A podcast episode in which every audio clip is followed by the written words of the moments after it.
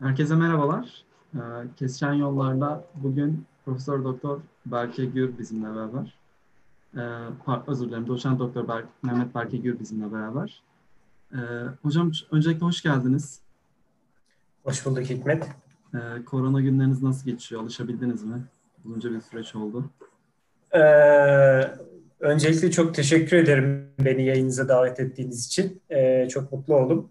Korona günleri e, şöyle söyleyeyim 2020 için benim e, hem e, kendi araştırmalarım adına hem de bölümümüz ve fakültemiz adına çok aktif bir yıl olması gerekiyordu. Çok aktif bir yıl olarak planlanmıştı. Benim yurt dışı seyahatlerim vardı, bölüm ve fakülteyle ilgili bazı süreçlerimiz vardı.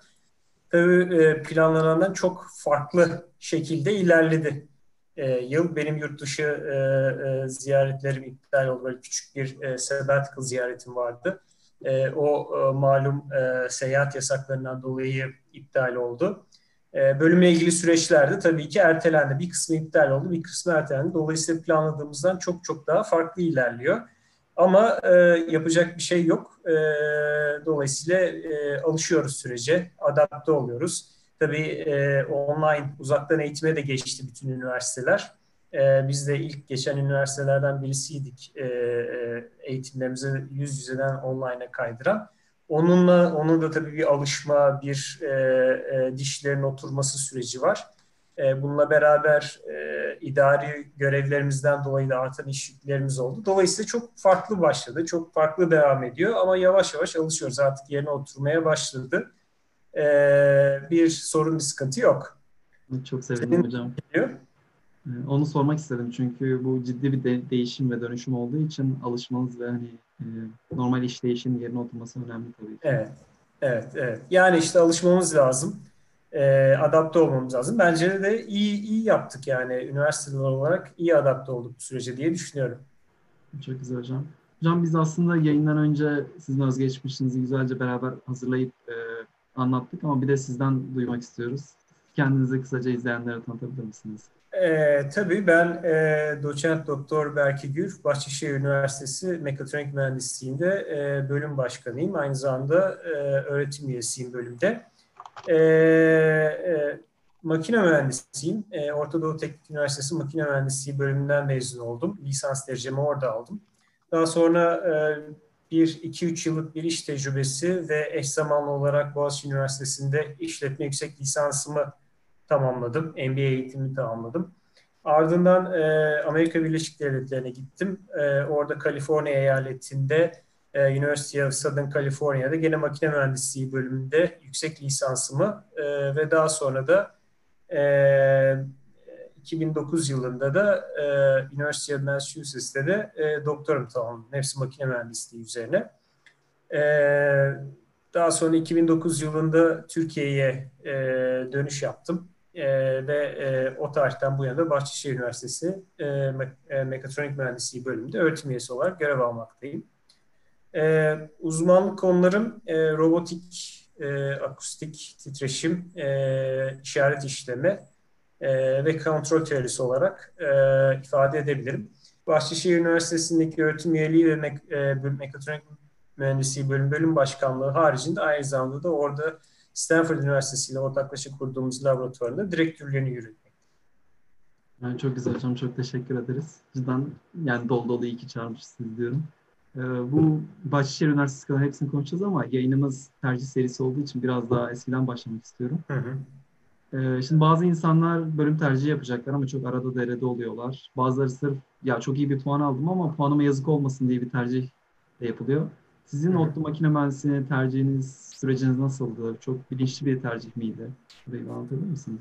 E, tabii aslında bilinçli bir tercihti. Şöyle ben e, e, lisedeyken, lise e, 2'deydi sanırım, e, bir karar verdim. E, bir e, temel mühendislik bölümü okumak istediğime e, e, karar verdim ve bu bölümde okuduktan sonra da e, mezuniyet sonrası ki aslında makine mühendisliği bölümünde öncelikli tercihlerinden birisiydi. Birazcık daha mekaniğe e, yatkın birisiyim.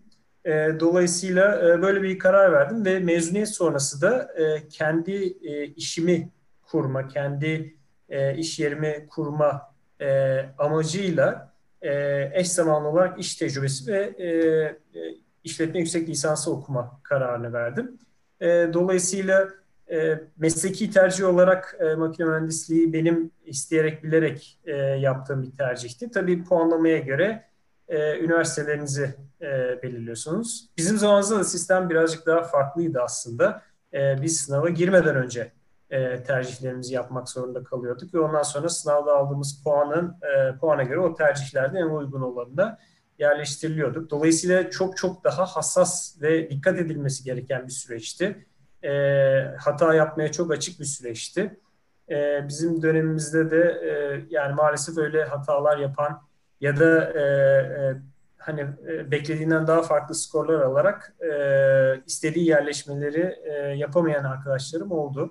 E, ama benimki isteyerek bilerek yaptığım bir tercihti. Gayet de mutluyum bu tercihten dolayı, mesleğimden dolayı. Çok güzel, şey hocam. Peki ODTÜ makine mühendisi yıllarınız nasıl geçti? Onları biraz anlatabilir misiniz?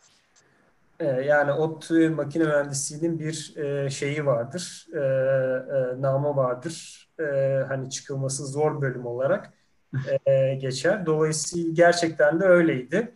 E, tabii 4 senede e, bitirmek e, ile ilgili bazı şeyler de vardır. Orada çok bir sorun yok ama 4 senede bitirebilmek için de zamanda bitirebilmek için belli bir not ortalamasıyla bitirebilmek için ki bu çok önemli.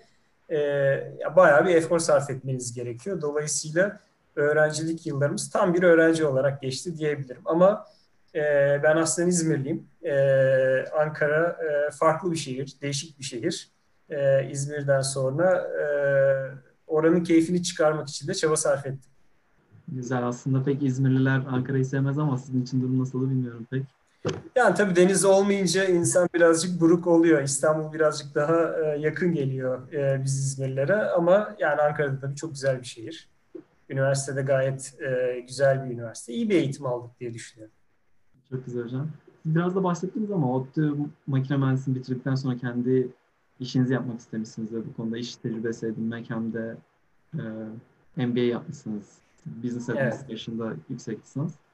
Evet. Peki bu ikisini bir arada götürmek nasıl oldu hocam? İkisi aynı anda çalışmak zor olmadı mı? Ee, yani e, oldukça zor oldu. Ee, e, zaten benim planladığımdan birazcık daha uzun sürdü benim eğitimim. Ama e, yani bu şu anda çok e, e, yapılan bir şey. E, bizim e, Bahçeşehir Üniversitemizde de yüksek lisans programlarımız özellikle çalışan e, kişilerin yüksek lisans yapabilmesi için gece vakitlerinde dersler sunuluyor.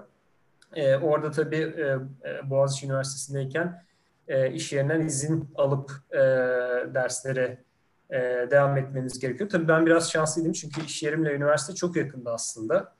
Yani e, uzun bir süre izin almadan da derslere gidip tekrar işe geri dönebiliyordum. Ama yine de e, zor bir karar, e, zor bir tercih. E, çalışırken aynı zamanda yüksek lisans yapmak, hele hele doktora e, yapmak çok çok daha e, emek gerektiren, e, uğraşı gerektiren, zaman gerektiren bir e, tercih. E, dolayısıyla çok kolay olmadı. E, ama yani istediğim oydu zaten. E, lise zamanında verdiğim karar istediğim oydu. E, yani hani isteğiniz varsa, hedefiniz varsa o zaman e, her türlü zorluğa da katlanıyorsunuz. E, ben cumartesi günleri de çalışıyordum o zaman. Bir de öyle bir e, sorunum vardı bu e, e, sektörden dolayı. E, ama işte hani o cumartesi günlerin çalışmanın şeyi üniversiteyle iş yerinin yakın olmasıyla birazcık telafi ediliyordu. E, ama yani bir buçuk bir mesai çalışıyorsanız işte yüksek lisans ya da doktor yaptığınızda bir buçuk mesai yapmayı göze almanız lazım. Ee, tabii bu sizin özel hayatınızı, aile hayatınızı falan çok olumlu etkileyen bir durum değil. Ama dediğim gibi bir hedefiniz var. Ee, sonuçta e, e o yüksek lisanstan ve iş tecrübesinden bazı beklentileriniz var. O zaman e, daha kolay oluyor. Daha e, insan e, bir, bir özveriyle bu e, emeği harcayabiliyor. Bu zamanı harcayabiliyor. Çok güzel anlattınız hocam ama şey merak ediyorum böyle her zaman için öncesinden bir hedefiniz varmış gibi duruyor. Yani hep işte makine mühendisliğini kazanacağım. Ondan sonra kendi iş yerimi açacağım. Yani hayatınızda hep böyle bir hedefleriniz oldu. Onların peşinden mi koştunuz? Ee, evet, e, öyle oldu ki ben aslında bunu e, akademik danışmanlık yaptığım öğrencilere de tavsiye ediyorum. Yani mutlaka diyorum bir hedefiniz olsun. E, hedefler değişebilir E, çünkü üniversiteye girdiğiniz zaman lisedeki zamanınızdaki düşünceleriniz, e, mesleki beklentileriniz, kariyer beklentileriniz e, mesela üniversiteden çıkarken hatta üniversite eğitiminin ortasına kadar bile o geçen iki senelik sürede çok ciddi değişebiliyor. Dolayısıyla değişiklik olabilir. Orada bir sorun yok ama mutlaka bir hedef olması lazım. O hedefe yönelik çalışmalar e, yapılması lazım. E, ben hep bunu kabul ettim kendi e, şeyimde. Böyle bir hedefim olsun. O hedefe yönelik çalışayım. O hedefin e, o hedefe ulaşmak için gerekenler neyse e, onlara göre tercihlerde bulunayım. Yüksek lisans olsun, işte iş hayatı olsun e, ya da başka konularda olsun. E, ama unutmayın ki bu hedefler de değişebilir. E, ama yeter ki bir hedef olsun. E, kendi öğrencilerime de bu yönde e, her zaman ilk verdiğim şeylerden bir tanesi de bu yönde oluyor. E, akademik danışmanlık anlamında verdiğim önerilerden bir tanesi, tavsiyelerden bir tanesi mutlaka yap, ne yapmak istediğinizi bilin ve bir e, bu yapmak istediğiniz hedef doğrultusunda çalışın e, ya da işte tercihlerinizi yapın diyorum. Çok güzel hocam. Yani aslında kesinlikle katılıyorum dediğinize. E, ben şeyi sormak istiyorum bir de. E, mühendislik yaptınız, bir yandan çalışmaya başladınız. MBA de yapıyorsunuz. Peki cidden kendi iş yerinizi açmak için o MBA ihtiyacınız var mıydı sizin? O zaman yaptığınız MBA size neler kattı hocam? Ee, yani tabii o zamanki ortam, o zamanki e, iş hayatı, o zamanki e, girişimcilik e, şeyi çok farklıydı şimdikinden. O zamanlar daha çok bu işlerin başıydı. 90'ların sonu, 2000'lerin başından bahsediyorum. O zamanlarki kabul gören yöntem genelde buydu. E, ve aslında ben e, işletme yüksek lisansında aldığım eğitimin de çok faydasını gördüm. Çünkü mühendislikte bir e, mühendislik formasyonunu e, size veriyorlar. Çok başarılı bir şekilde veriyorlar. Ama bu birazcık daha e, şeyden farklı. E, iş hayatına atıldığınızda, profesyonel hayatına atıldığınızda karşılaştığınız realiteden, gerçeklerden birazcık daha farklı. Dolayısıyla e, işletme tarafında da e, e, işte e, müşteri odaklı olmak, e, ürün, tasarımında e, müşteri beklentileri, karlılık, kar edebilme, işlerin sürdürülebilmesi gibi konularda aslında mühendislikte biraz uzak kaldınız. Belki günümüzdeki eğitim birazcık daha ona müsait. Seçmeli dersler vasıtasıyla bu girişimcilik dersi olsun, e, e, ne bileyim e, pazarlama dersleri olsun. E, bu, bu dersler vasıtasıyla hukuk, etik gibi dersler çok daha yoğun şu andaki müfredatlarda. Özellikle bu e, Bologna süreci olsun, diğer başka akreditasyon süreçleri olsun. Buradaki e, artan seçmeli derslerle öğrencileri çok daha geniş bir e, e, mühendislik dışı e, seçim yapma olanağı sağlanıyor. Mühendislik dışı dersleri alma olanağı sağlanıyor ama bizim zamanımızda birazcık daha azdı bu, birazcık daha eksikti diyelim. Dolayısıyla bu eksikliği tamamlamak için e, e, çok faydasını gördüm ben onun. Ama tabii günümüzdeki e, e, landscape diyelim, günümüzdeki ortam e, çok daha farklı.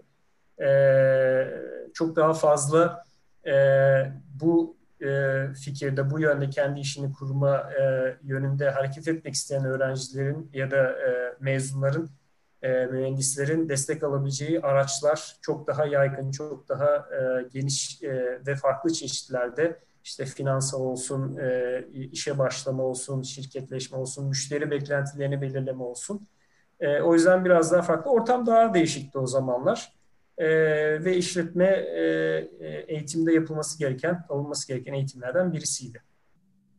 Çok teşekkür ederiz hocam. Belki o sizin dediğiniz işletme yüksek lisansıyla mühendislik eğitiminden farklı olan o bakış açısını size katıyor. Bazen. Tabii ki, evet. Fiyatlandırma, ürünü satma, e, benzeri süreçler. Hocam peki böyle yüksek lisans yaptık, güzelce çalışıyoruz, işimizi kurmaya hazırız ama pat bir anda akademik devam etmeye karar verdik. Bu süreç nasıl oldu sizde? Yani ee, doktora yapma isteği.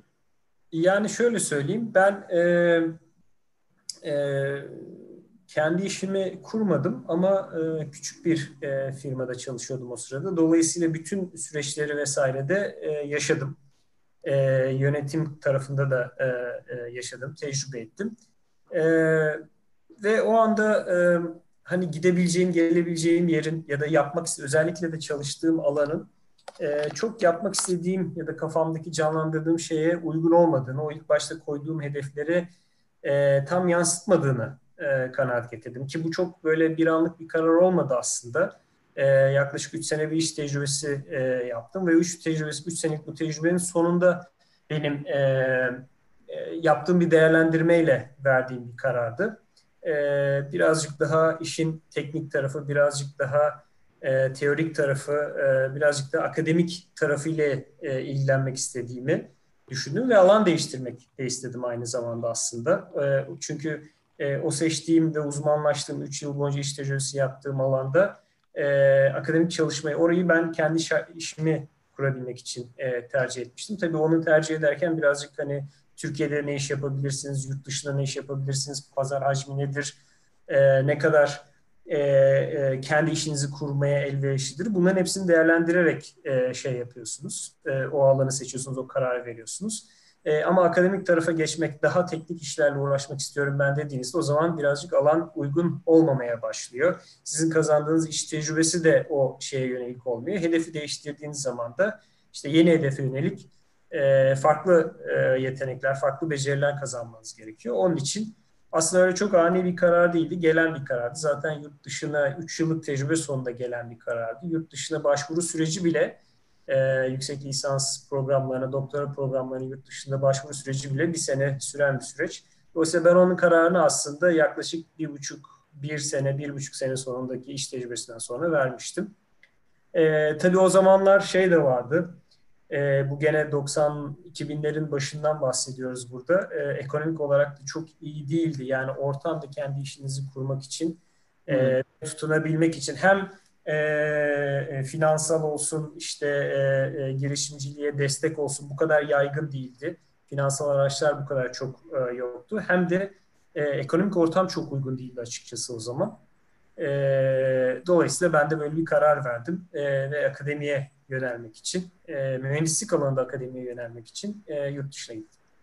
Çok güzel açıkladınız hocam. Tam aslında dediğiniz vakitler işte 2001 krizinin ertesinde olan vakit dönemler olduğu için ekonominin çalkantı olduğu zamanlar. Evet. Ee, peki hocam yani bildiğimiz üzere Amerika'da yapılan master programlarının ciddi bir ücreti oluyor. Bunların karşılanması gerekiyor. Pek çok arkadaşımız bu yüzden doktoraya başvurup e, burs üzerine belli bir cep harçlığı almaya çalışıyor. Sizin Southern California'da yaptığınız master programı nasıldı? Oradan burs alma imkanınız oldu mu yoksa kendiniz mi karşılamanız gerekti? Ee, şöyle başvuru dediğin, sürecini anlatabilirsiniz tabii ki. Tabii dediğin çok e, doğru Hikmet. Zor. Yani e, zaten burs e, siz dünya ile Amerika gibi bir ülkeye gittiğinizde ya da Avrupa'da iyi, iyi üniversitelere gitmek istediğinizde e, zaten burs bulmak e, e, kolay olmuyor. E, bir e, özellikle yüksek lisansta e, burs bulmaktan bahsettiğimizde e, çok çok zor. E, ben de e, giderken burs alarak gitmedim. E, ama oradaki birinci dönemin sonunda e, işte dersler alıyorsunuz. E, o derslerde kendinizi gösteriyorsunuz. O dersin hocası da eğer tabii birazcık şans meselesi de var. Bu şanslı, e, uygun boşluk olması lazım ama ben gittiğimde e, ders aldığım hocalardan birisinin bir asistanı ayrılıyordu mezuniyet dolayısıyla. Hani kendinizi gösterince de sizi e, e, e, asistan olarak e, işe alıyor. Benim de öyle geçti sürecim ama tabii yurt dışına başvuru dediğim gibi aslında bir sene süren e, bir süreç. E, burslu ya da bursuz. E, burs almak tabii ki birazcık daha zor. E, iyi hazırlanmak gerekiyor. Öncelikle gene hedefe dönüyoruz. Yani ne istediğinizi bilmeniz gerekiyor. Hangi alanda çalışmak istediğinizi bilmeniz gerekiyor. Özellikle akademiye yönelmek istiyorsanız e, işte iki sene master diyoruz, dört sene onun üzerine doktora diyoruz, altı senelik bir eğitime bakıyoruz ve ondan sonra da mezuniyet sonrası hani seçtiğiniz konu çok önemli. Mezuniyet sonrası da güncel bir konu olması lazım. Dolayısıyla bir dört senede mezuniyet sonrasını ekleseniz yaklaşık on sene sonrasını öngörebilmeniz lazım. Ona göre bu konuyu seçmeniz lazım. Bu konunun e, diyelim ki e, e, yurt dışında master doktor yaptınız sonra Türkiye'ye dönmek istiyorsunuz ya da dönmeniz gerekiyor. E, belki e, Türkiye'den bir burs buldunuz. O zaman Türkiye'ye döndüğünüzde çalışılabilecek bir konu olması lazım. E, Türkiye'ye döndüğünüzde işbirliği yapacağımız, e, yapabileceğiniz e, üniversiteler genelde en yakınları en azından en kolay işbirliği yapabileceğiniz üniversiteler Avrupa'daki üniversiteler oluyor. Onlarla beraber çalışabileceğiniz bir konu olması lazım falan. Yani işte hedefiniz doğrultusunda e, en az 10 senelik bir e, ufka bakıyorsunuz ve ona göre bir plan yapmak gerekiyor. Ona göre bir konu seçmek gerekiyor. Bir de tabii seçilen konunun da gerçekten e, 6 sene sonra, 10 sene sonra güncel bir konu olması lazım. e, genişleyen bir konu olması lazım. Tıkanmayan bir konu olması lazım. Bütün bunları değerlendirip e, e, tabii kendi e, hoşunuza giden e, yani keyif aldığınız e, bir alana yönelmeniz gerekiyor. Buna yönelik e, programlara bakıyorsunuz, üniversitelere bakıyorsunuz, üniversitelerin bölümlerine bakıyorsunuz, e, hocalara bakıyorsunuz, oradaki öğretim üyelerine bakıyorsunuz, e, e, yayınlarına bakıyorsunuz, ne kadar aktif olduğuna bakıyorsunuz, e, dış destekli ne kadar proje aldığına bakıyorsunuz. Yurt dışında özellikle Amerika'da e, aynı zamanda medya e, medyada yer alıyor olur. İnsan hayatlarını insan hayatını etkileyecek e, e, ürünlerin geliştirildiği bir alan diyoruz mühendislik. Dolayısıyla bu bakımdan bir katkı sağlıyor mu e, hoca? Ona bakıyorsunuz. E, ve ona göre aslında ta hocaya kadar inerek, öğretim üyesine kadar inerek e, programlar belirleyip onlara başvurularda bulunuyorsunuz. Tabii burada e, bazen kişisel ilişkiler e, önemli oluyor. Sizin e, lisans programında ya da yüksek lisansta tanıdığınız bir öğretim üyesi, beraber çalıştığınız bir öğretim üyesi oradaki e, öğretim üyesini tanıyorsa birazcık daha kolaylaşabiliyor bazı işler. Referans mektupları, referans sistemi önemli hale geliyor. E, bunun haricinde de benim e, öğrencilere e, bu şekilde yurt dışına gitmek isteyen öğrencilere kendi öğrencilerime de yaptığım bir tavsiye. Özellikle Amerika birazcık daha zor ama Avrupa'ya gitmek isteyen öğrencilere yaptığım tavsiye atlayıp gitmeleri imkanları varsa hem üniversiteyi görmeleri hem kampüsü görmeleri hem de eğer mümkünse e, orada çalışmak istedikleri öğretim üyesiyle önceden tanışmaları. E, tabii elektronik postayla vesaire de iletişime geçilebilir ama yüz yüze temas e, en azından bu korona öncesi, covid öncesi dönemde çok daha etkili, çok daha efektif oluyor. Eğer dediğim gibi böyle bir imkan varsa e, genelde üniversitede work and e, travel tarzı ya da e, benzeri programlarda yurt dışına gidilebiliyor. E, Avrupa içinde Erasmus tarzı programlar var. Hani bu tarz programlarda gidildiğinde yurt dışına aynı zamanda üniversiteyi ziyaret edip, bir öğretim üyesini ziyaret edip e, en azından kendini tanıtıp hani e, hangi alanda çalışmak istediğini söyleyebilirse öğrenci arkadaş anlatabilirse e, birazcık daha kendini göstermiş olur ve e, en azından master seviyesinde burs bulma imkanı, doktora seviyesinde burs bulma imkanı artmış olur. E, tabii Amerika'daki üniversiteler, Amerika'daki öğretim üyeleri çok açık aslında e, bu tarz e, e, yüz yüze görüşmelere, ilgili öğrencileri görmeye almaya. Onlar da sonuçta e, hani gerçekten ilgili e, bu işi yapabileceğine inandıkları e, kararlı hedefleri olan e, öğrenciler arıyorlar e, projelerinde e, görev almaları için. E, yani e, program öncesi e, eğitime başlamadan önce gidip e, hocayla tanışmak isteyen, e, projelerini, fikirlerini anlatmak isteyen e, öğrenciler e, akılda kalıyorlar. Dolayısıyla onların bu imkanları da artıyor. Burs bulma imkanları daha fazla oluyor diye düşünüyorum. Bu aslında oldukça ciddi bir e, kararlılık göstergesi belki de. Tabii. Master'a gitmeden evet. önce oradaki Kesinlikle. hocayı ziyaret edip hazırlanıp ona bir konuşma yapmak. O yüzden dediğiniz gibi hocanın aklında kalıyordur elbette ki. E, yani daha önce çok fazla kişi master doktora başvurusunu anlatmıştı ama ben bu derece etkili bir yöntemi ilk defa sizden duyuyorum. Buradan izleyen arkadaşlar da. E yani evet öyle. Bir de tabii demin de bahsettiğim gibi e, e, bu referans mektupları alınıyor. E, refere, e, referans sistemiyle e, kişisel ilişkilerle de çok e, şey oluyor. E, süreci kolaylaştırıyor en azından öyle söyleyeyim. Ama e, lisans programında okuyan öğrenciler e, genelde ben e, yine başka e, bir şeyim. E, öğretim üyeleriyle e, öğrencilerin e, etkileşime girmeleri lisans programı boyunca. E, işte projelerde çalışmak olsun ki bu ders projeleri olabilir. E, işte sınıfta aktif katılım göstermek, e, e, ofis saatlerinde gerçekten anlamadıkları bir konu varsa hocayla e, konuşmak için e, odasını ziyarette bulunmak ya da işte artık yeni sistemde belki bir e, sanal toplantı düzenlemek. Bunları lütfen e, öğrenci arkadaşlarımız yapsınlar lisans eğitimlerinde. Çünkü e, daha yani kendinizi e, öğrencinin kendisini tanıtması öğretim üyesine, hocaya. ileride gerçekten referans mektubu yazmak olsun, e, e, işte öğrenciye tavsiyelerde bulunmak olsun çok faydalı oluyor. Eğer öğrenciyi tanımıyorsa öğretim üyesi birazcık daha zorlanıyor o noktada. Evet. E, e, yani ben çok açığım aslında bu tarz e, etkileşimleri öğrencilerle. Çoğu öğretim üyesinde açık olduğunu düşünüyorum. E, böyle bir plan olan, yurt dışına gitme planı olan öğrencilerime e, verdiğim bir başka tavsiye de hani gelin tanışalım. Hatta belki lisans seviyesinde bir e, projenin, bir araştırma projesinin bir kısmında da yer alabilirsiniz. E, ama hani e, sadece sınıfa girip ders dinleyip işte sınavlara girip e, yürümesin bu iş. Zaten üniversite eğitiminden de etkin bir şekilde faydalanmanın yolu o değil. Daha çok öğretim üyeleriyle ilişki içerisinde olmak. Çok güzel açıkladınız hocam. Ee, bu konudan konuşmaya devam edeceğiz ama e, gelen yorumlara ve sorulara da öncelik veriyoruz. Metan Topalhan arkadaşımız sormuş. Ee, kendisi mekatronik mühendisliğinin bilgisayar mühendisliğiyle olan alakasını soruyor. Ee, mekatronik mühendisliğinde yazılım dersleri de alınıyor mu? Mekatronik mühendislerinin iş bulma oranı nedir diye sormuş.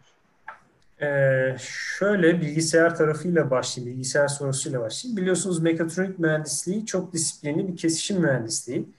Ee, mekanik, e, elektrik, elektronik e, ve e, bilgisayar e, mühendisliklerinin e, kesişimde yer alan e, bir mühendislik e, dalı. Ben genelde mekatroniği de e, bir döngüyle, mekatronik sistemleri ve mekatronik mühendisliğin ilgi alanına giren sistemleri bir döngüyle açıklıyorum. E, burada üç aşama var. E, bu e, makinalardan bahsediyoruz biz ama akıllı makinalardan bahsediyoruz. Akıllı nasıl oluyor? Bir algılama modülü olması lazım makinenin. Yani bu sensörler vasıtasıyla oluyor genelde, algılayıcılar vasıtasıyla ya çevresini algılıyor, ya yaptığı işi algılıyor, ya kullanıcı girdilerini algılıyor. Bu algılama e, ve e, e, algılayıcılardan gelen verinin işlem, işlenmesi elektrik elektronik mühendisliğinin e, alanına giren e, bir bölüm. Dolayısıyla elektrik elektronik orada yer alıyor. E, daha sonra toplanan bu verinin bir şekilde işlenmesi e, ve bu işlenen e, işlendikten sonra da e, gerekiyorsa bir sonuca varılması, bir karar verilmesi gerekiyor. Bu da işte e, bu makineler üzerindeki bilgisayarlar, gömülü bilgisayarlar vasıtasıyla oluyor. O bilgisayarlardaki yazılımlar vasıtasıyla oluyor. Bu çok basit bir e, e, evet hayır aç kapa tarzı bir sonuç da olabilir ya da daha uç noktaya gittiğimizde işte yapay zeka e, e, ile karar verme karmaşık karar verme süreçlerinin yer aldığı bir e, sistemde olabilir. O da işte bilgisayar mühendisliğinin altına giriyor. Son olarak da mekaniğin altına giren e, bir şeyi ölçtük. E, bu ölçümden bir sonuca vardık ve bu sonuçta belki bir e, eylem yapmamızı gerektiriyor. O zaman da bir eylem işte mekanik taraf, o zaman makine mühendisliği ya da mekaniğin altına giren taraf. Bu üçlü döngünün bir ayağı da bilgisayar mühendisliği. E, dolayısıyla mekatronik mühendisliğinde evet e, yazılım e, dersleri var, yazılım öğreniliyor. E, bizim bölümümüzde ve bilgisayar, gömülü bilgisayar sistemleriyle ilgili, bunların programlanması ile ilgili, birazcık donanımları nasıl çalıştıkları ile ilgili e, dersler var. Bizim bölümümüzde e, ki pek çok mekatronik mühendisliği bölümünde de e, e, benzer olduğunu e, biliyorum, düşünüyorum. E, donanımla konuşmamız lazım. Bizim yazılımımızın donanımla konuşması lazım. Davranış tarafı, eylem tarafındaki o üçüncü bacaktan dolayı yazılımın bir eylem üretebilmesi için bir donanıma, bir elektrik motoruyla ya da başka bir e, e, aktüatörle ya da başka bir mekanik aksamla konuşması lazım. Dolayısıyla bu donanımla konuşma dili de e, C, C++ programlama dili olduğu için daha çok C dili. Bizim bölümümüzde de C dili, e, C programlama dili öğretiliyor. E, ama dediğim gibi onun haricinde işte bilgisayar, özellikle gömülü e, bilgisayar sistemlerinin donanımı, bunların programlaması ile ilgili de dersler mevcut. Çok güzel açıkladınız hocam. Buradan e, Meta'nın sorusunu cevaplandığını düşünüyorum. Peki ee, bir de sanırım iş alanlarıyla ilgili evet hocam, iş kısmı vardı. Bir ikinci kısmı vardı. Onu da atlamayalım. Ee, yani mekatronik mühendisliği e, şöyle ben şöyle bir örnek veriyorum. Ee, dedim akıllı makinelerle uğraşıyoruz, ilgileniyoruz biz e, mekatronik mühendisi olarak. E, bu akıllı makineleri ben bu üçlü döngüyle tanımlıyorum. Tabii ki işte sensörler olacak, e, bir e, e, bilgisayar sistemi olacak, gömülü bir bilgisayar sistemi olacak ve de e, ama bir makineden bahsediyoruz. Yani mekanik aksamları da olması lazım. E, buna çok güzel bir örnek de aslında e, günümüzdeki otomobiller. E, artık biliyorsunuz Tesla'nın e, araçlarını ya da diğer firmaların ürettiği araçları artık otonom araçlardan, otomobillerden bahsediyoruz. İşte sensörler vasıtasıyla, üzerindeki kameralar vasıtasıyla çevresini algılıyor. E, bu kameralardan gelen görüntülerden ve diğer gelen görüntülerden işte e, mesela önde tehlikeli bir durum olduğunu e, fark ediyor. Trafiğin akışında bir tehlike olduğunu fark ediyor ve otomatikman fren yapabiliyor ve yavaşlıyor, duruyor. E, buna dair örnekler var. E, e, benim e, ilk arabamda işte far sistemleri ve silecek sistemleri haricinde pek bir elektronik ya da elektriksel donanım yoktu. E, bir bilgisayardan falan, gömülü bilgisayardan söz etmek mümkün değildi. Ama şimdi otomobiller bile e, gittikçe bu akıllı makineler diye tabir ettiğimiz e, makinelerden olmaya başladılar. Hatta otonom sürüş yapabiliyorlar artık. E, sadece otomobillerle sınırlı bir durum değil bu. Bütün günlük hayatımızdaki kullanılan makinelere bakarsanız işte beyaz eşyalarımızdan tutun e, ne bileyim otomobiller dedik. Günlük hayatımızda kullandığımız pek çok araç, insansız otonom araçlar, e, fabrika üretim sistemleri, Bunların hepsi bu tanımla daha daha çok uymaya başladılar. Yani akıllı hale gelmeye başladı buradaki süreçler, buradaki makinelerin hepsi. Dolayısıyla mekatronik mühendisliğinin e, ilgi alanına giren bu makineler günlük hayatımızın gittikçe daha büyük bir parçası haline geliyor. Dolayısıyla mekatronik mühendislerine olan e, talep e, ve mekatronik mühendislerinin de iş bulması ve hangi sektörlerde iş buldu? Bir kere iş bulması kolaylaşıyor. E, daha çok talep oluyor mekatronik mühendislerine. Buna ek olarak da e, iş buldukları sektörler de oldukça genişliyor. E, ben e, dediğim gibi 11. yılım e, mekatronik mühendisliği bölümünde 11 yıldır bu trendi gözlemleyebiliyorum. Evet hocam çok güzel açıkladınız aslında. E, pek çok e, yeni alanda, yeni popülerleşen alanda da çalışma imkanları oluyor. Ben bir e, doktor sürecinizle ilgili bir soru sorup tekrar mekatronik mühendisliğine dönmek istiyorum sizde. Tabii ki. E, Southern California'daki eğitiminizi tamamladıktan sonra anladığım kadarıyla akademik olarak devam etmek istiyordunuz. Evet. Bu yüzden de doktoraya başvurdunuz. Sizin doktora başvuru süreciniz nasıl oldu hocam veya doktora yıllarınız nasıl geçti? E, tabii o birazcık daha farklı. Ben zaten Amerika'da olduğum için e, orada gene tabii ki işte e, referans mektuplarınızı alıyorsunuz. E, standart bazı testler isteniyor. Onlara giriyorsunuz. İngilizce tarafı e, olmuyor sadece. Zaten Amerika'da olduğunuz için ama e, yine de bu süreç e, o zamanlar en azından benim başvurduğum zamanlar Türkiye'de yani başvurmaya göre çok daha kolaydı. E, gene dediğim gibi çalışma konularınıza göre üniversiteleri belirliyorsunuz, hocaları belirliyorsunuz. O zaman hocalarla teması geçmek de daha kolay. E, zaten siz Amerika'dasınız. E, herhangi bir eyalete e, uçuyorsunuz, oradaki hocayla görüşüyorsunuz. E, benim e, e, yani o standart başvuru sürecinin haricinde böyle bir şeyim de oldu. Yani tavsiye ettiğim şeyi de ben yapmıştım. E, hem e-posta üzerinden e, hem telefonla, tabii telefon imkanımız da var e, yurt dışında olduğumuz için hem de fiilen ziyaret ederek e, gitmek istediğim, belirlediğim listedeki, listedeki üniversitelerle görüşmüştüm. Tabii o listeyi belirlerken de şöyle, e, gitmek istediğiniz, eğer kafa, kafanıza koyduysanız e, yurt dışına gitmeyi ve belli bir alanlarda çalış, belli bir alanda çalışmayı, doktora yapmayı, o zaman bir liste hazırlıyorsunuz.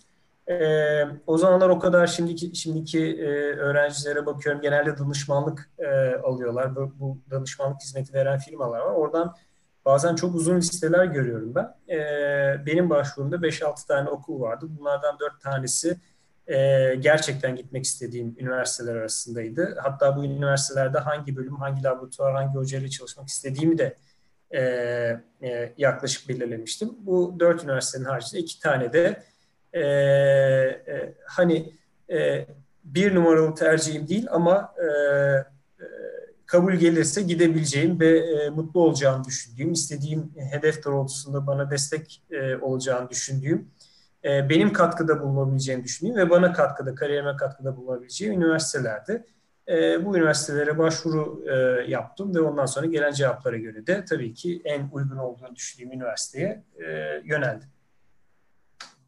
Çok güzel hocam.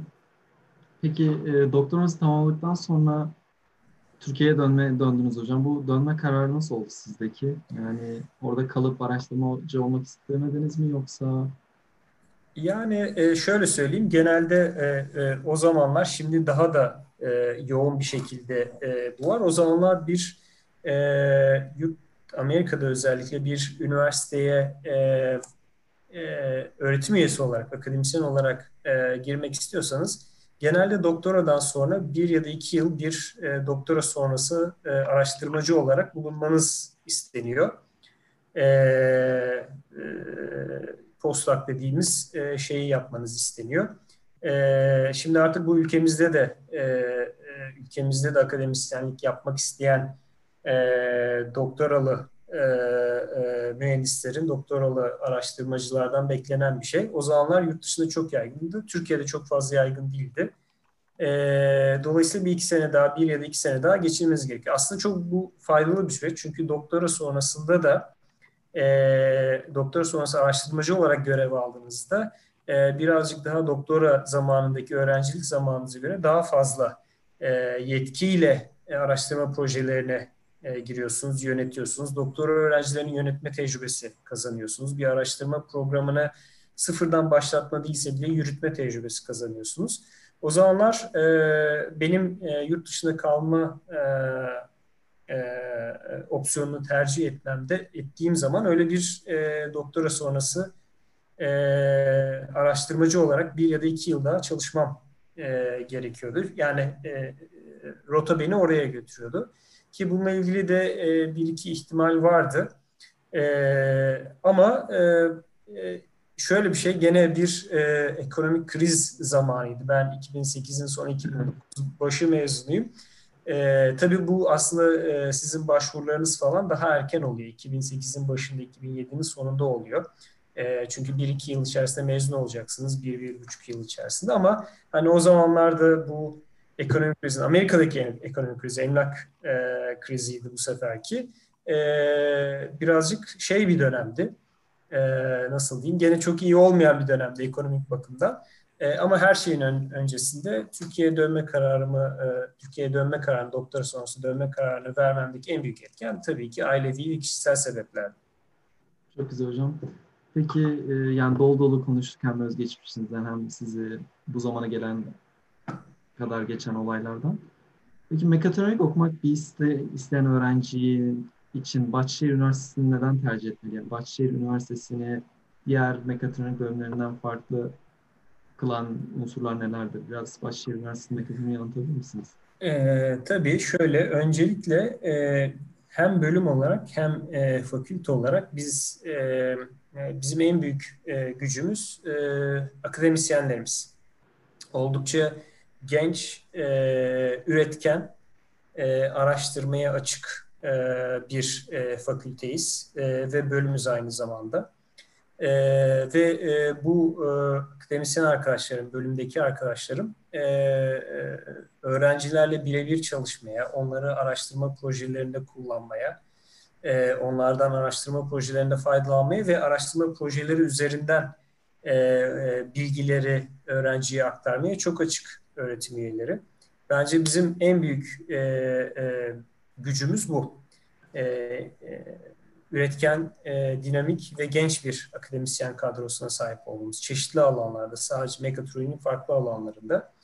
E, bunun haricinde e, üniversite olarak e, e, altyapısı olarak yani e, laboratuvar altyapısı olsun, e, diğer e, altyapılar olsun oldukça donanımlı olduğumuzu düşünüyorum. E, bir başka şeyimiz de bu laboratuvarlarımızın e, öğrencilerin kullanımına açık olması. Yani e, bir örnek vermek gerekirse ben aynı zamanda e, bu e, sohbetin başına robotik laboratuvarımızın e, da direktörü olduğumu söylemiştim. Bizim laboratuvarımız e, çalışmak isteyen, robotik konusunda proje yapmak isteyen, e, bir şeyler üretmek isteyen, bir şeyler öğrenmek isteyen öğrenci arkadaşlar hazırlık e, sınıfından başlamak üzere, daha birinci sınıf değil, hazırlık sınıfından başlamak üzere doktora seviyesine kadar bütün öğrencilerimize açık. E, e, yani kendi projeleri olabilir, e, ders ve müfredat kapsamındaki projeler olabilir. E, e, bu ve aynı zamanda tabii eğitim faaliyetleri, derslerin projeleri e, kapsamında bütün öğrencilerimizin kullanımına açık. Dolayısıyla öyle bir e, e, öğrencilere müthiş sunduğumuz bir esneklik var, bir imkan var e, üniversitemizde. Onun haricinde e, e, oldukça eski e, e, ve köklü üniversitelerden bir tanesiyiz. Mekatronik mühendisliği konusunda özellikle. ilk e, mekatronik mühendisliği bölümlerinden birisiyiz. Bu da bize e, mekatronik mühendisliği eğitimi konusunda e, oldukça geniş bir tecrübe sağlıyor.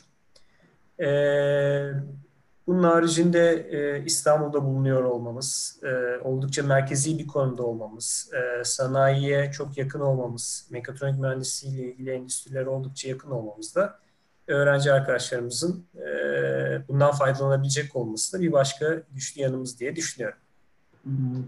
Çok güzel hocam. E, Metehan'dan bir soru daha gelmiş hocam. Bilgisayar mühendisliği ile çift ana dal programı yapma imkanı var mıdır? Yani iki bölümü de aynı anda okuma imkanı var mıdır? E, tabii ki. E, yani bilgisayar mühendisliği, e, endüstri mühendisliği, elektrik elektronik mühendisliği, özellikle elektrik elektronik mühendisliği ve mekatronik mühendisliği en çok örtüşen bölümlerden bir tanesi. E, bu bölümlerde çift ana dal yapma e, imkanı var. Tabii bunların bazı koşulları var. E, işte o bölümdeki kontenjan e, ki genelde oluyor. Ayrıca e, işte not ortalamasının belli bir seviyede olması. E, ama bu mümkün. Bunun haricinde başka fakültelerle de çift ana dal ya da yan dal programlarına girmesi mümkün öğrencilerimizin. E, örneğin mesela otomotiv sektöründe e, e, rağbet gören e, bir e, e, yetenek grubu var. O da şu, yani siz mekatronik mühendisi olarak e, mühendislik tasarımını biliyorsunuz. Ama aynı zamanda e, araçlardaki bazı mühendislik e, e, parçaları, mühendislik sistemleri aynı zamanda ergonomi bakımından, kullanıcı arayüzü olması bakımından önemli sistemler. E, dolayısıyla mesela bir endüstriyel e, tasarım e, bölümüyle mekatronik mühendisliğinde e, e, çift ana dal ya da e, yan dal yapan e, öğrencilerim oldu benim ve e, e, sektörde de bu yetenekleri çok yani e, e, talep görüyor. E, dolayısıyla e, bu e, yan daldan da çok e, e, etkin bir şekilde faydalandılar mezuniyet sonrası. E, bu noktada da benim gene önerdiğim bir e, şey var. Bu çift ana dal programları, yan dal programları seçilirken e, gene öğrencinin seçmek için seçmemesi e, bir hedef doğrultusunda. Yani her zaman onu diyorum ben, bir hedef olması lazım. E, yani o hedefi e, hedefe uygunsa öğrencinin bu çift ana dalı, yan dalı seçmesi, eğer uygun değilse de belki başka bir şekilde değerlendirebilir vaktini. Bilgisayar mühendisliğinde çift ana dal yaptığı zaman e, öğrenci arkadaşımız. Mesela robotik konusunda çalışmak istiyorsa e, çok büyük faydasını görecektir. Çünkü e, robotik sistemlerinin robotik sistemlerindeki en büyük gelişmeler, en büyük atılımlar son 5 e, e, ya da 10 senedir genelde yazılım algoritma tabanlı oluyor. Dolayısıyla bilgisayar mühendisliğinde e, çift ana dal yaptığı zaman bu yazılım altyapısını, mekatronik mühendisliğinde demin dedim yazılım bizim için donanımla konuşmak için ama onun ötesinde daha geniş bir yazılım ve bilgisayar altyapısına sahip olmuş oluyor. Ama aynı zamanda mekatronik mühendisliği de okuduğu için hani bu donanımla etkileşim tarafında çok iyi e, biliyor öğrencimiz. Dolayısıyla orada e, e, kendine özgün güzel bir yetenek kazanmış oluyor. Çok güzel açıkladınız hocam aslında. Peki şeyden bahsettiniz, hazırlıktan doktora seviyesindeki öğrencilere kadar lablarınızın açık olduğundan ve genç bir akademik kadro olduğundan da bahsettiniz. Öğrencilerle evet. akademisyenler arasında bu hem proje anlamında hem akademik anlamda bir e, çalışma oluyor mu? Özellikle lisans öğrencilerinin bir akademik çalışmayı yürütmesi, belki bir makaleye dönüştürmesi. Ee, tabii ki evet oluyor. Ee, benim kendi e, projelerimde de bu şekilde e, e, çok e, lisans öğrencisi e, arkadaşımla beraber çalıştım. E, e, şöyle e, yani bizim projelerimizde e, genelde e, projelerin küçük alt kısımları oluyor.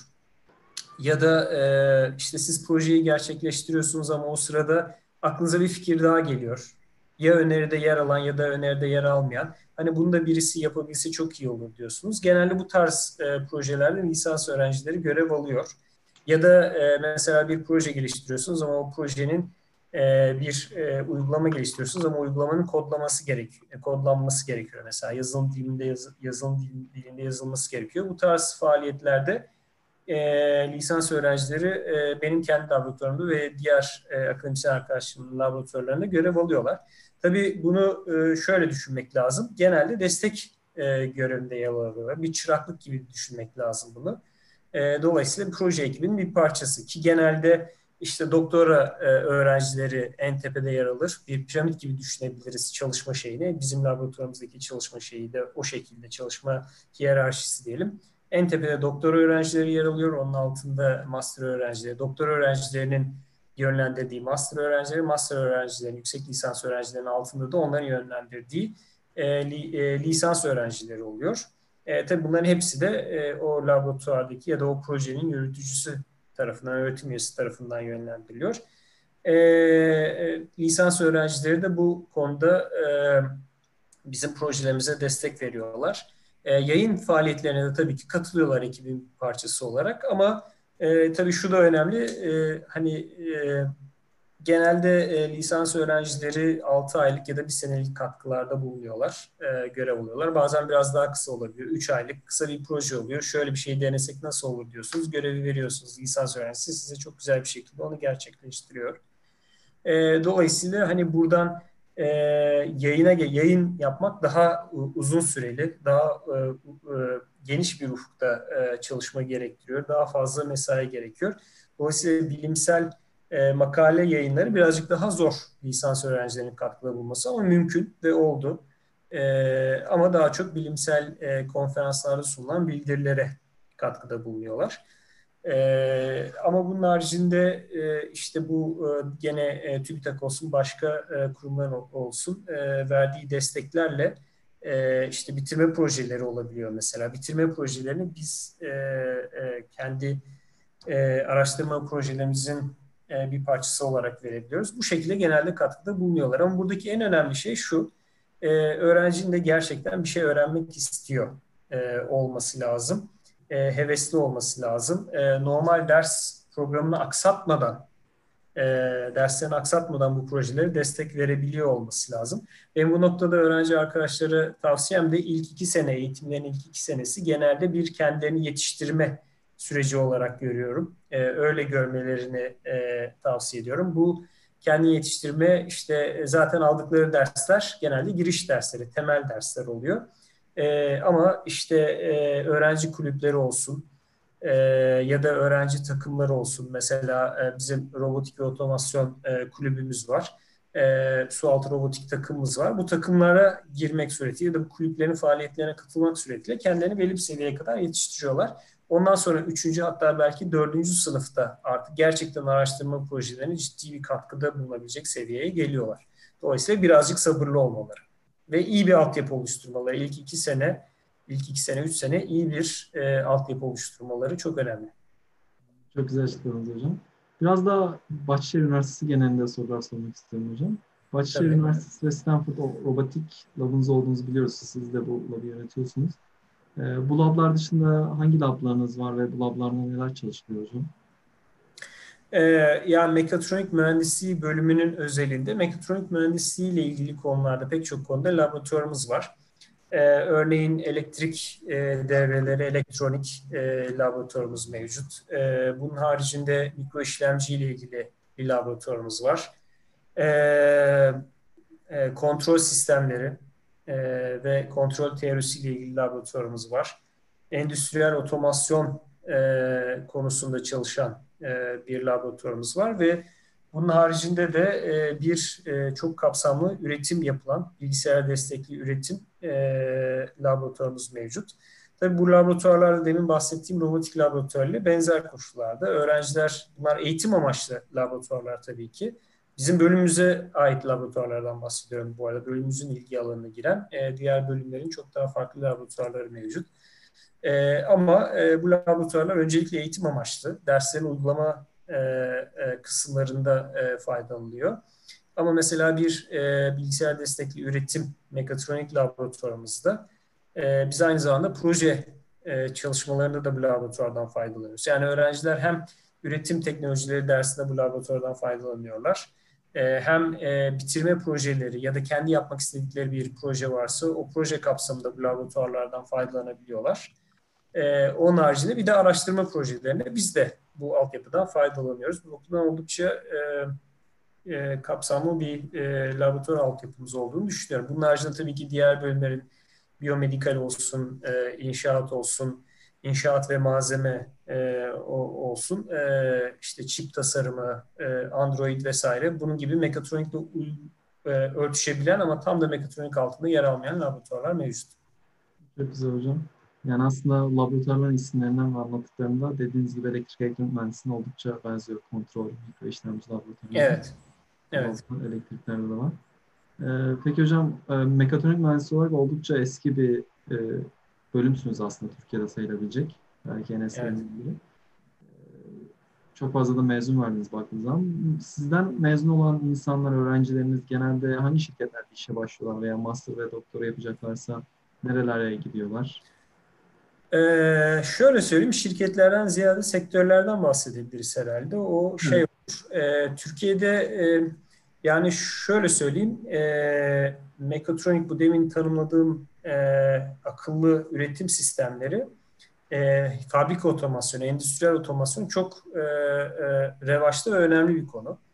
E, bu yeni yaklaşımlar var. Endüstri 4.0 gibi e, oldukça popüler olan. Burada tabii ki otomasyon tarafı, bu Endüstri 4.0 ya da akıllı fabrikalar, akıllı üretim e, yöntemleri dediğimiz e, yaklaşımlar e, otomasyonu artık bu 7-24 üretim yapan büyük e, ağır fabrikalardan, ağır üretim yapan e, fabrikalardan daha küçük ölçekli üretim yapan COBİ'lere e, indiriyor. Dolayısıyla e, dediğim gibi bu akıllı üretim sistemleri, mekatronik e, sistemlerin fabrika otomasyonundaki uygulaması çok daha fazla, çok daha yaygın hale gelmeye başladı.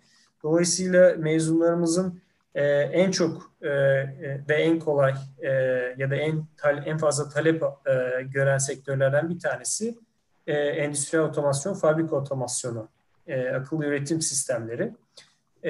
Daha sonra e, bunun haricinde otomotiv tabii bizim ülkemiz için önemli bir sektör. Otomotiv sektörü, e, demin bahsettik artık araçların e, akıllı hale gelmesinden, e, ki burada sadece otonom sürüş anlaşılmasın. İşte e, aracın e, motorunun içerisinde bile artık her aracın bir e, küçük bilgisayar var. Dolayısıyla e, bu işten yamalı motorlar bile artık mekatronik sistemler altına giriyor. E, e, otomotiv sektörü dedik. Bunun haricinde e, yine e, e, üretime dayalı e, dayanıklı tüketim malları, biyomedikal ve tıp teknolojileri, savunma sanayi, e, e, ve benzeri pek çok alanda mezunlarımız iş buluyor. Ama Türkiye'deki ilk e, en önemli alanlara sayacak olursak e, fabrika otomasyonu, endüstri otomasyon, otomotiv e, ve bir de savunma sanayini söyleyebiliriz. Çok güzel hocam. Yani endüstriyle yakın ilişkiniz var aslında bakıldığı zaman bu endüstrilerle. Peki evet üniversitenin sanayiyle bir işbirliği veya beraber çalışma kapsamı oluyor mu? Veya sanayiyle, endüstriyle beraber veya ortak projeler yürütüyor musunuz? E, ortak projeler e, yürütüyoruz ama onun öncesinde bizim üniversitemizin, e, bizim üniversitemize özgün bir e, program var, co-op programı. Bu e, Cooperative e, Education'dan geliyor ve bununla ilgili ayrı bir e, ofisimiz var. Aslında bu programın pek çok e, alt kırılımı var, alt e, bacağı var. Ama e, bunlar arasında e, en önemlileri bir tanesi uzun süreli staj. Öğrencilerin e, bu üniversitemizde anlaşmalı firmalarda e, 6 aylık, 1 senelik e, stajlar yapmaları. E, e, bunun haricinde e, yine e, bu program kapsamında bu firmaların üniversitemizde gelip açtıkları e, markalı dersler mevcut e, örneğin bizim e, bölümümüze e, ait bir e, e, otomotiv e, e, tasarım dersimiz var. Mercedes-Benz'le birlikte ortaklaşa açtığımız. E, mesela bu derste, e, bu ders kapsamında öğrenciler seçmeli ders olarak alıyorlar bunu dördüncü sınıfta. E, ve e, bu firmadan e, alanında uzman e, profesyoneller gelip e, e, otomotiv tasarım süreçleriyle ilgili ya da başka bir konuyla ilgili dersleri e, öğrencilere aktarıyorlar. Öğrenciler e, e, bu ders kapsamında bir proje gerçekleştiriyorlar, bir proje yapıyorlar ve bu projeyi de hatta firmada sunuyorlar. Tabii bu proje konuları gerçekten firmanın işine yarayabilecek. Demin akademi tarafında bahsettiğim e, bir benzeri olarak firmanın ihtiyaçlarına yönelik projeler oluyor. Dolayısıyla öğrenciler aslında mezuniyet öncesi birazcık iş hayatında tatmış oluyorlar. Bir iş hayatında o sektörü e, o sektörün bir e, tecrübe kazanmış oluyorlar o sektörle ilgili. O sektördeki çalışmalar hakkında e, bir şey almış oluyorlar, bir tecrübe kazanmış oluyorlar, bir deneyim kazanmış oluyorlar ve de birazcık bir asıl belki de en önemli kısmı networking yapmış oluyorlar. Gerçekten siz otomotiv sektörüne yönelmek istiyorsanız o ders sizin için e, insanlarla tanışma, yöneticilerle tanışma, sektör liderleriyle tanışmak için çok ideal bir e, ders haline geliyor. E, tabii bunun haricinde araştırma projeleri olarak da e, bizim e, e, firmalarla ortaklaşa yaptığımız e, projeler oluyor. Özellikle e, robotik konusunda e, fabrika otomasyonu ve fabrika otomasyon sistemleri konusunda şu anda e, son aşamasına geldiğimiz, tamamlamak üzere olduğumuz e, bir projemiz mevcut. E, burada gene üniversitelerle birlikte firmalar ortaklaşa bir ürün geliştiriyorlar bir ihtiyacı bir ihtiyacı karşılamak için. Daha yeni benzer bir şekilde de bir bu sefer uluslararası işbirliği içeren ama firmalar, akademik kuruluşlar ve iki ülke ya da iki farklı ülkenin firmaları ve akademik kuruluşların yer aldığı bir proje önerimiz oldu. Dolayısıyla sanayi işbirliği konusunda oldukça aktif olduğunu söyleyebilirim. Gayet güzel. Aslında hem akademik anlamda hem de endüstri anlamında oldukça içli dışlı hem de beraber çalıştığımız bir bölüm söyleyebiliriz yani. E, zaten mekatronik yani uygulamalı bir bölüm. E, dolayısıyla e, sanayi veya e, uygulama tarafı e, endüstriyle işbirliği içerisinde hareket etme, işbirliği içerisinde bu eğitimin verilmesi oldukça önemli. Çok güzel hocam. Biraz daha okul genelinde sorular sormak gerekirse e, sonuç olarak Bahçeli Üniversitesi bir özel bir üniversite. E, evet. Okula girerken kazanılan burslar var. Peki okul sırasında başarı gösterip burs kazanabilen öğrenciler var mıdır? Başarılı öğrenciler için ekstra burs markanız var mı? Ee, şimdi şöyle söyleyeyim, tabii e, bu e, ÖSYM tarafından belirlenen standart bazı burslar var. Evet. E, gene e, bu giriş sınavlarındaki başarı sıralamasına göre verilen.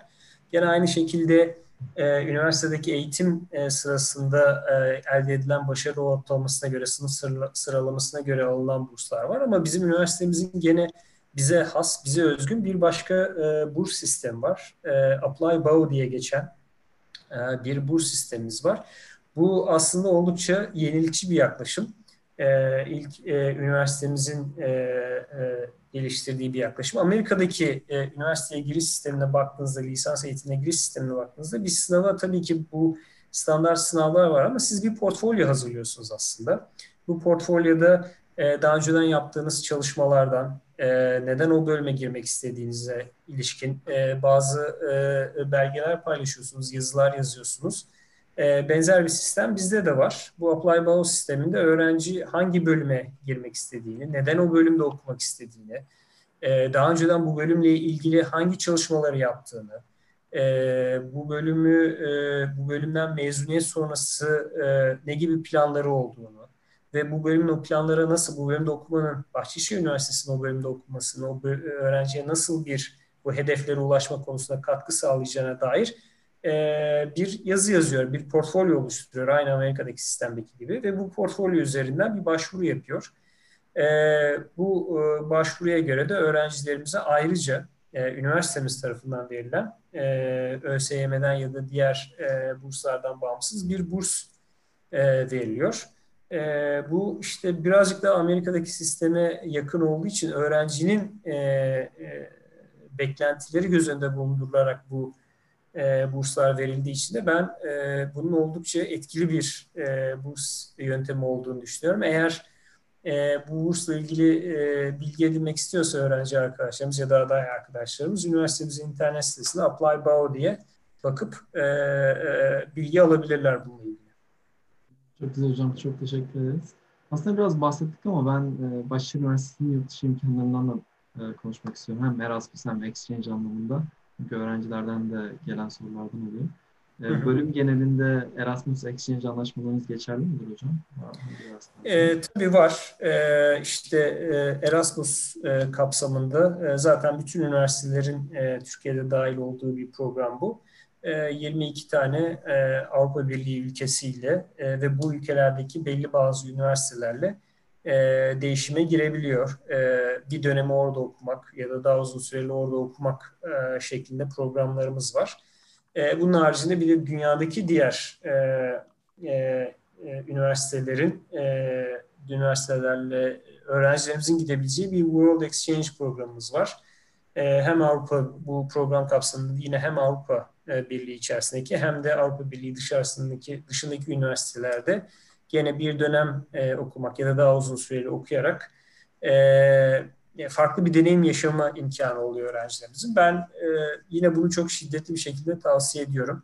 E, imkanı olan e, bütün öğrencilerimizin bu e, programlardan mümkün olduğunca faydalanmasını tavsiye ediyorum. E, hem bizim üniversitemizdeki hem diğer üniversitelerdeki. Çünkü bunu şöyle düşünmek lazım. Siz o üniversiteyi kendi üniversitenizde 4 sene okuyorsunuz. E, işte belli e, bir e, e, hocaları ders anlatım tarzı var, onun tecrübe ediyorsunuz. Ama başka bir üniversiteye gittiğinizde hem farklı tecrübeler kazanıyorsunuz hem de farklı e, insanlarla birlikte mesela projesi olan bir derste, takım çalışması olan bir derste farklı insanlarla, farklı öğrencilerle, farklı kültürlerden gelen e, insanlarla tanışıp beraber eğitim alma fırsatınız oluyor. Dolayısıyla bu da size e, e, görüşünüzü genişletme bakımından çok büyük faydası oluyordur. Onun haricinde tabii ki ben e, şeye de çok önem veriyorum. E, dil konusuna. E, mesela hani e, e, mekatronik mühendisliğinde İtalyanca ya da e, Almanca e, e, e, önemli. E, mekatronik sistemlerinin, köklü mekatronik firmaların yer aldığı e, ülkeler olarak. E, tabii ki bu bildiğiniz bir dilin, bir yabancı dilin aslında sadece yabancı dil de değil. E, bunu bir, belki bilgisayar programlarının dili olarak da düşünebiliriz. E, mesela bir Python dilini biliyor olmak e, robotikte, scripting anlamında oldukça e, popüler bir hale geldi. Bu dilleri bilmek bir zarar getirmez, tam tersine faydaları getirir. Dolayısıyla e, bu exchange programlarına giderken de öğrenci arkadaşların hani gene hedeflerini düşünerek onlar için en uygun ülkede en uygun programı seçmeleri e, ve buna yönelik e, tercihlerde bulunmalarını tavsiye ediyorum. Ama mutlaka e, e, eğer bir imkan varsa ki e, oluyor, e, bu e, özellikle Erasmus programlarından faydalanmalarını öneriyorum öğrencilere. Çok güzel bahsettiniz hocam. Aslında yayın süremizin hemen hemen sonuna geliyorum. Ben bir iki soru daha sormak istiyorum izninizle. Tabii, seve seve. Ee, Diyelim ki öğrencimiz mekatronik mühendisi bölümünü tercih etti ve kabul aldı ve lisans yıllarına başlayacak. Ee, öğrencimiz lisans yıllarını en iyi nasıl şekilde değerlendirir? Bu 4 veya 5 senelik yıllarda neler yapmasını tavsiye edersiniz hocam? Ee, yani e, işte öncelikle hedefleri olsun ve bu hedeflerini net bir şekilde belirlesin. Ee, dediğim gibi hedefler değişebilir ee, e, ama e, hedef olması ve bu hedef yönünde e, bu hedef uygun e, adımlar atması önemli öğrencinin. E, şimdi mezuniyette e, ya da şöyle söyleyeyim ilk iki sene e, ya da ilk üç sene temel mühendislik dersleri veriliyor genelde e, bütün mühendislik programlarında.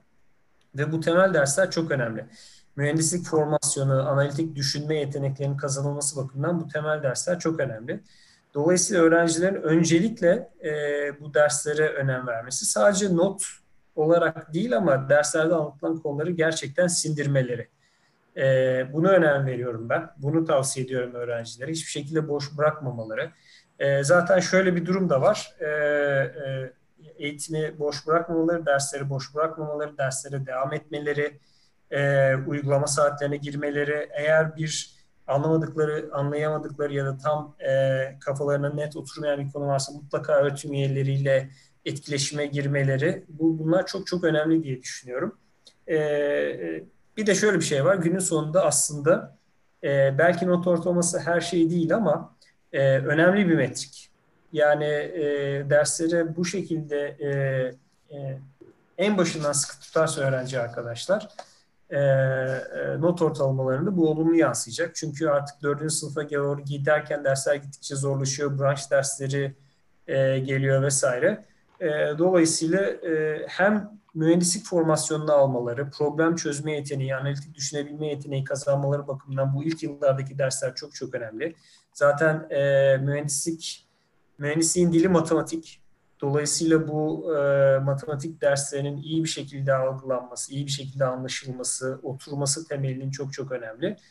E, öğrencilerin ilk dönemlerde çok sıkı tutmalarını e, öneriyorum. E, bunun sonunda da not ortalaması, yüksek bir not ortalamasıyla bunun meyvesini alacaklar diye düşünüyorum.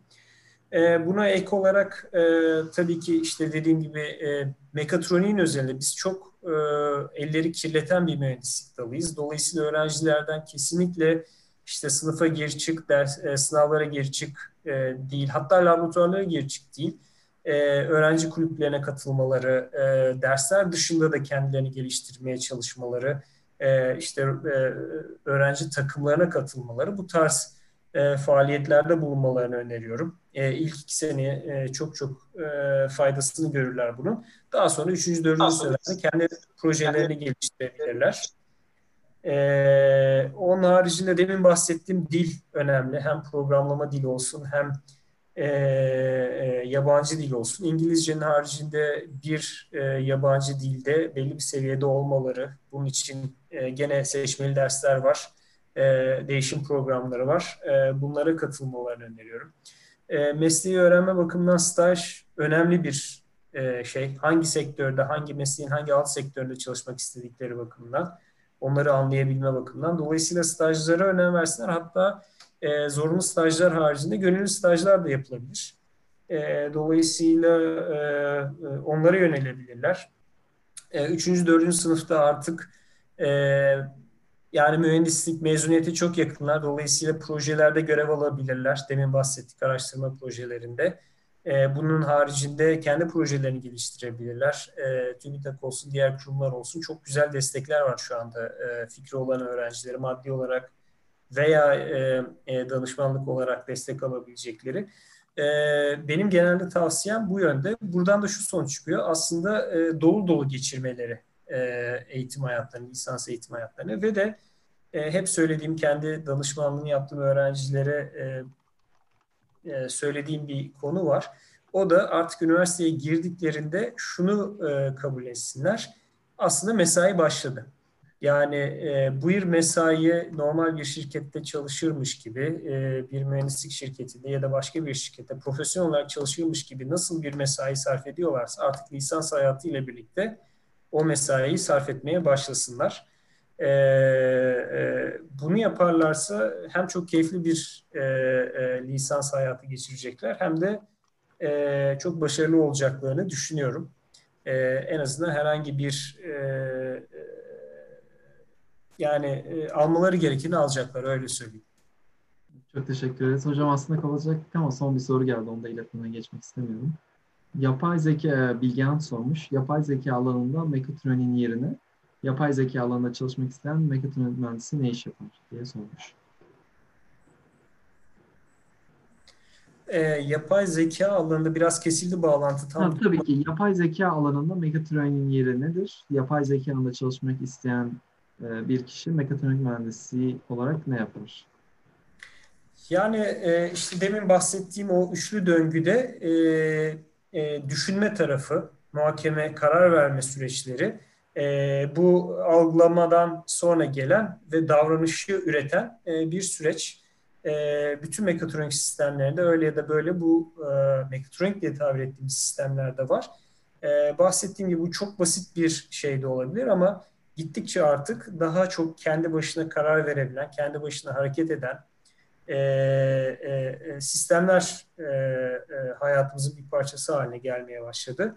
Dolayısıyla mesela bir robotik örneğinde e, yapay zeka e, ile insanlardan öğrenebilen, e, insanları taklit ederek öğrenen ya da e, belli davranışlar üretip bu davranışların sonuçlarına göre belli bir değerlendirme yaparak e, bir şeyler öğrenen e, makinelere doğru gidiyoruz. Ama hep bir öğrenme var. Yani artık e, o kadar karmaşık görevler yüklüyoruz ki biz robotlara ve mekatronik sistemlere. Buna birisinin oturup elle manuel olarak programlaması çok mümkün değil.